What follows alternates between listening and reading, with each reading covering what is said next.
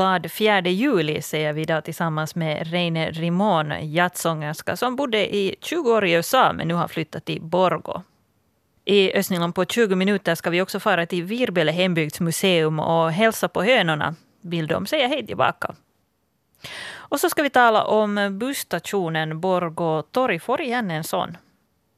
Jag heter Helena von Alftan. Välkommen. Har med mig i studion en kvinna som har upplevt det mesta, som har bott i USA i 20 år och i september valde Huktis i Borgo. Och ikväll ska sjunga jazz på Patimo i Borgo. God morgon, Reine Rimon. God morgon. Mm. Det är alltså USAs nationaldag idag och du ska då sjunga ikväll. Men hur tycker du sådär annars att man kan fira USAs nationaldag?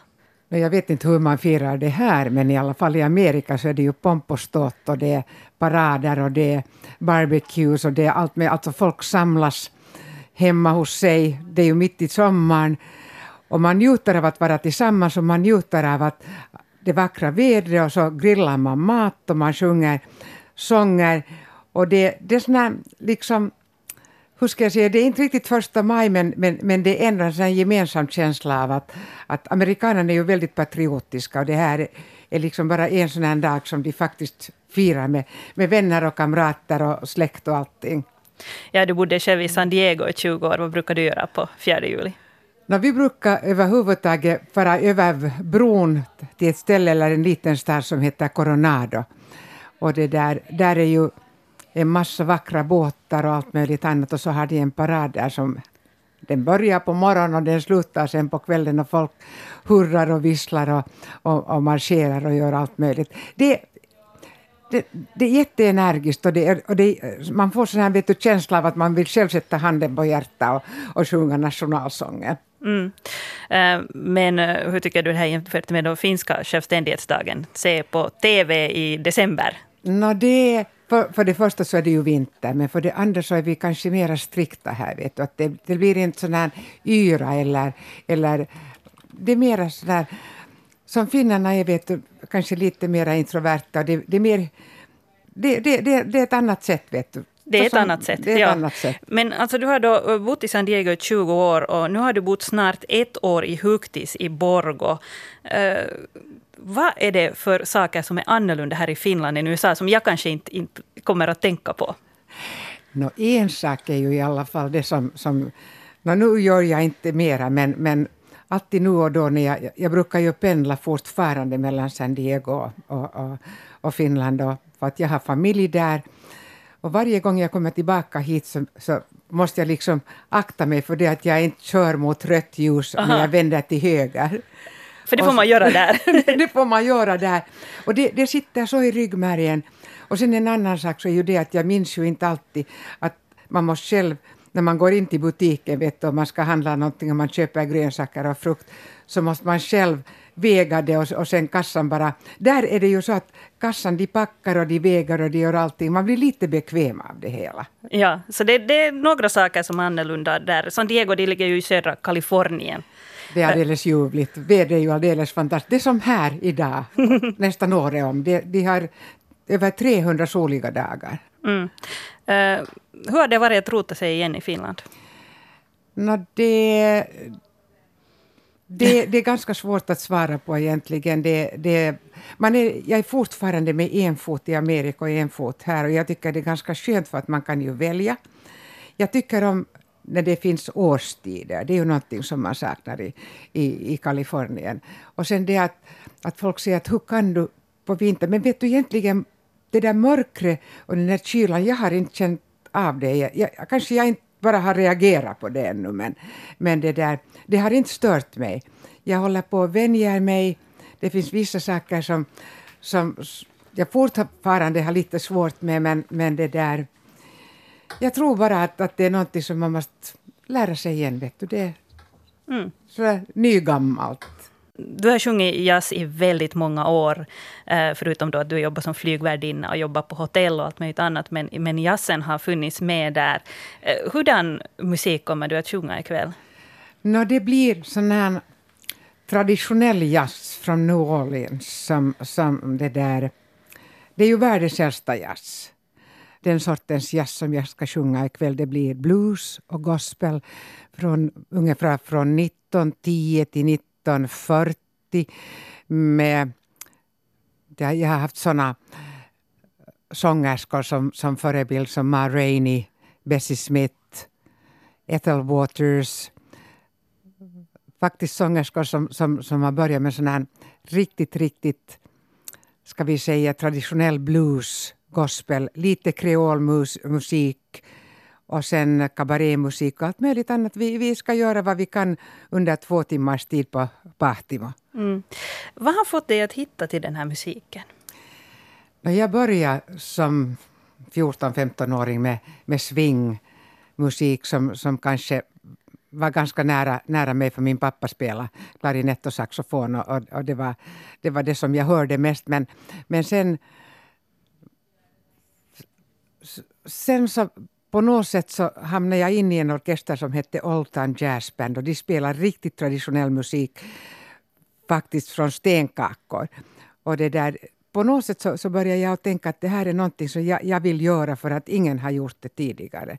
Och så märkte jag bara att, att jag är bra på det vad jag gör. Och sen när det inte fanns någon konkurrens vet du, så, så var det ju förstås ännu en sån här sak som, som gjorde att, att man blev mera och mera nyfiken på vad det innehöll. Och, och jag reste till New Orleans, satt där på Tulane Archives på universitetet och gick igenom de här låtarna, vet du, gamla blueslåtar, för att jag förstod ju inte texten, eller, eller lyrics som det heter. Och så började jag faktiskt att lyssna på det och mera och mera och mera. Sen har det bara fortsatt, vet du, sin, sin det, det, det bara fortsätter. Mm.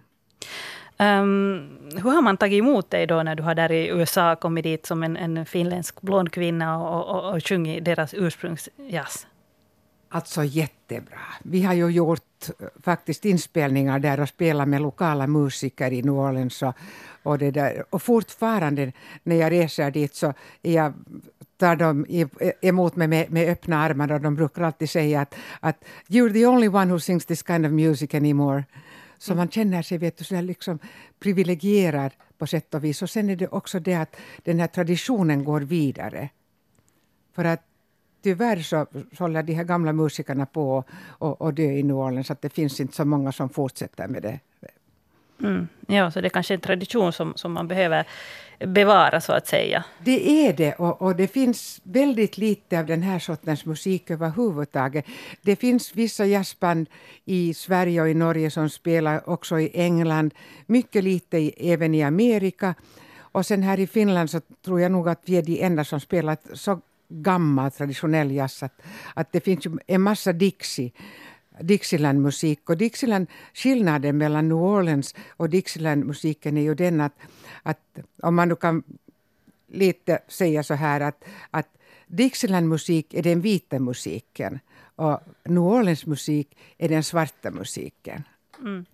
Jag talar alltså med Reine Rimon som har bott ett år i Borgo men före det bodde länge i San Diego, USA. Och, eh, jag har fått veta att du har varit också hedersmedborgare eh, i New Orleans.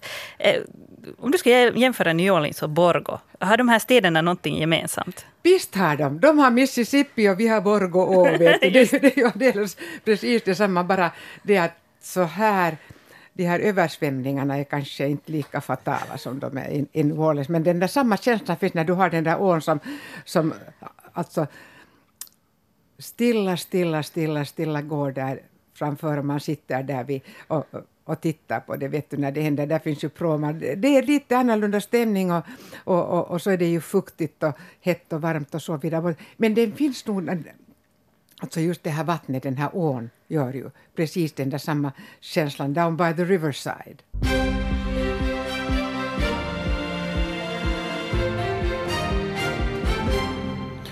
Klockan är halv tio. Här är nyheterna från östra Nyland. Jag heter Pontus Nyqvist. God morgon. Försvunna äldre och minnessjuka personer sysselsätter polisen speciellt under sommaren. Området för Östra Nylands polisinrättning har bara under den senaste månaden haft 29 uppdrag som handlar om försvunna seniorer. Vanligtvis försvinner de från hemmen, sjukhus eller äldreboenden. Polisen påminner om att man är skyldig att anmäla och hjälpa äldre förvirrade människor. Detta gäller också för barn som verkar vara i behov av hjälp. Matkahuolto i Borgå flyttar tillbaka till centrum. Den 25 juli öppnar Matkahuoltos nya lokal på Fredsgatan 27B nära busstationen. I den nya lokalen kommer Matkahuolto återigen att erbjuda både biljett och pakettjänster. Det ska också finnas ett litet café och man erbjuder penningöverföring via Western Union. Sedan januari har Matkahuoltos pakettjänster funnits i Stadshagen. Biljetter har gått att köpa via nätet eller i ärkiosken vid Borgå torg. Detta efter att busstationen måste stängas på grund av en vattenskada. Hemvården i Sibbo har tagit i bruk läkemedelsrobotar för minnessjuka klienter. Maskinen påminner klienten om att ta sina tabletter och delar ut dem. Hemvården larmas ifall klienten inte tar sin medicin. Tanken är att hemvårdarna på detta sätt får tid till annat vårdarbete. Sibbo har testat läkemedelsrobotar i ett år och har nu införskaffat flera. Sammanlagt har kommunen nu 25 läkemedelsrobotar. Och Borgå Vattens kunder tycker att vattenkvaliteten har förbättrats sedan i fjol. Det ger vattenkvaliteten skolvitsordet 9,2. Det här är enligt en kundenkät som gjordes i maj.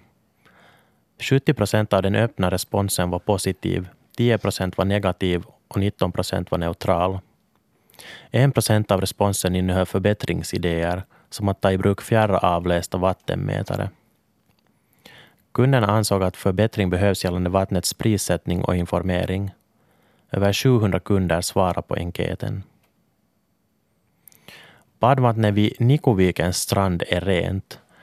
Det var i måndags som miljöhälsovården, miljöhälsovården uppmanade folk att undvika att bada vid Nikoviken i Borgo detta på grund av att det hade kontaktats av en kund som uppgav att någon hade tömt en septiktank i viken. Miljöhälsovården har nu analyserat vattenprov från stranden och konstaterat att vattnet uppfyller kvalitetskraven för badvatten. Det är alltså fritt fram att bada vid Nikovikens strand. Så här på sommaren måste man ju passa på att njuta av eh, ja, museer och sånt som bara är öppna nu. nu. Ett ställe är Virbyle hembygdsmuseum i Lovisa, riktigt långt österut som faktiskt är öppet bara i juli. Och museihönsen de är också där ute på sommarbete. Eh, Rebecka Svederberg hon är där på plats och ska lite se hur hönsen mår. Solen värmer varmt här i Virböle. Det riktigt värmer och hettar om kinderna. Vi står här med museiintendent Ulrika Rosendal framför det här stora huset. Och jag tänkte att vi skulle gå och börja med att, att hälsa på de här hönsen som finns här. Gärdsgård och åkrar som sträcker sig, sig bakom den här hönsburen. God morgon på er höns. Här är en tupp och, och två hönor. Hej, god morgon på er. Gott, gott. Lite ljud, men de springer iväg lite det där blyga kanske. Berätta, vad är det här för, för höns Ulrika? Ja, det här är då tuppen Kievi och så har vi en liten svart höna som heter Hili, betyder kol som ni kanske känner till. Passar bra här i den här kolproduktionens socken, här Strömfors med bruket i närheten. Och, och så har vi Hilma då, som är lite så här brunspräckligare sort. Varför har ni höns här på sommaren? No, det är ju så att nu eh, eh, står vi på ett hembygdsmuseum som berättar om, om agrara näringar, ska vi säga, om landsbygden, om landsbygdens historia. Och, och det tycker vi att djur är en jätteviktig del av det här. Så att för att få det där lite mer så här stämning av hur det på riktigt gick till på en, på en bondgård förr i världen så tycker vi att det behövs finnas lite djur med. Och, så att de här muse museihönsen nu här och sommar jobbar hela juli så får man gärna komma och hälsa på dem. Och, och se om de kan kotta lite tillbaka åt gästerna. Mm. Får gästerna också gosa med de här eller är de bara där inne i buren? Nej, de får nog hålla sig inne i buren. De är ändå ganska blyga sådana här hönor. De är inte, de är inte famndjur på det sättet men att man kan försöka locka dem kanske med något litet maskrosblad och se om de kommer. Det är alltså så då att det här museet är bara uppe på, på sommaren och på veckoslutet så öppnar ni dörrarna. Har mm. människor än hittat hit?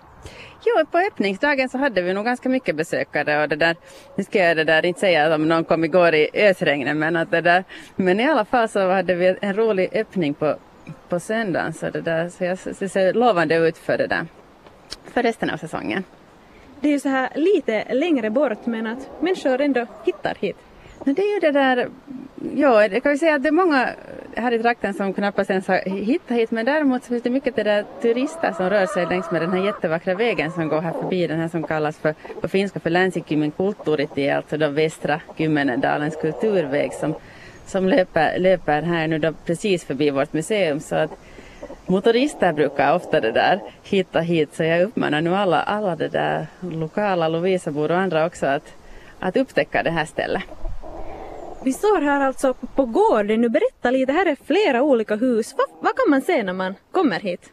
No, här har vi då ett, ett gammalt hus, hemman då ett, ett, det där, um, ett hus från, från 1700-talet som har flyttats hit på 1880-talet så det är en gammal parstuga av stock med det där med då det där, två, två olika rum som man kan upptäcka och mycket där olika föremål, allmogeföremål och på gården har vi också en boda som är flyttad hit från Lappträsk, en riktigt gammaldags loftboda med pigkammare på övre våningen och då gamla allmogeföremål mycket i nedre våningen. Och så är det en gammal, gammal rökbastu här också från Penttilas gård.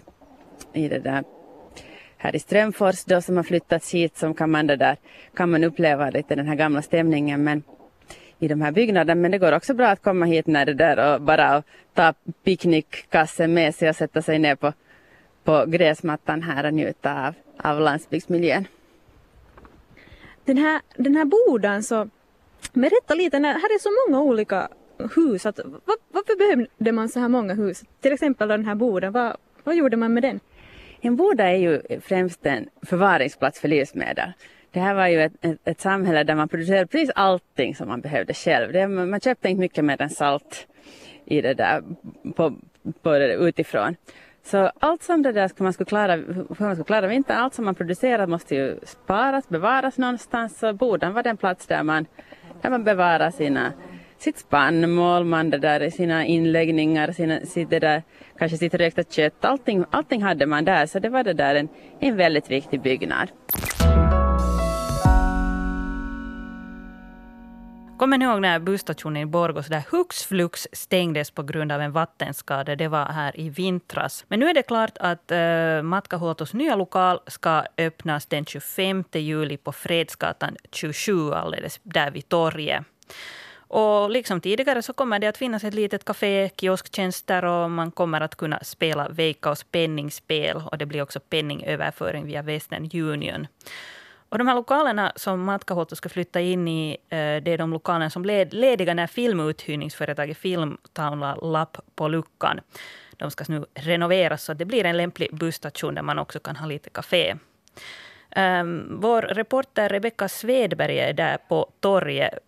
Hur ser det ut i den här lokalen som eh, busstationen ska flytta till? de har nog börjat arbeta här men att än så länge så har det nog inte hänt så mycket. att Jag står här vid, vid fönstren och tittar in. Här är redan en, en man på plats och arbetar. Han står och det ser ut som att han dammsuger kanske med någon sån här lite större maskin. Här är lite målfärgsburkar och några stegar och, och en, en lampa. Så man ser nog att arbetet har kommit igång men än så länge har det då alltså inte hänt så mycket. Men att före jag kom hit så talade jag lite med, med folk här kring torget och vid, vid busstationen vad de tycker om att Matkahuolto nu då ska flytta hit tillbaka och folk verkar nog vara väldigt positivt inställda till det här. En kvinna som skulle hoppa på bussen berättade att att hon tycker att det är mycket positivt och att sådana här tjänster nog skulle borde vara centralt. Så berättade också en, en torgförsäljare här på torget att, att han tycker att det har varit så tokigt att, att människor som har väntat på bussen inte haft ett ställe att gå in och vänta, att de har fått stå ute. Så han tyckte också att det är en bra sak nu att, att Matkahuolto flyttar hit. Sen talade jag med, med några människor som njuter av kaffe här i, i solskenet på, på torget och de tyckte också att, att det är en bra sak. En kvinna berättade till exempel att, att det har varit så tokigt att man har måste åka en lång väg för att söka paket.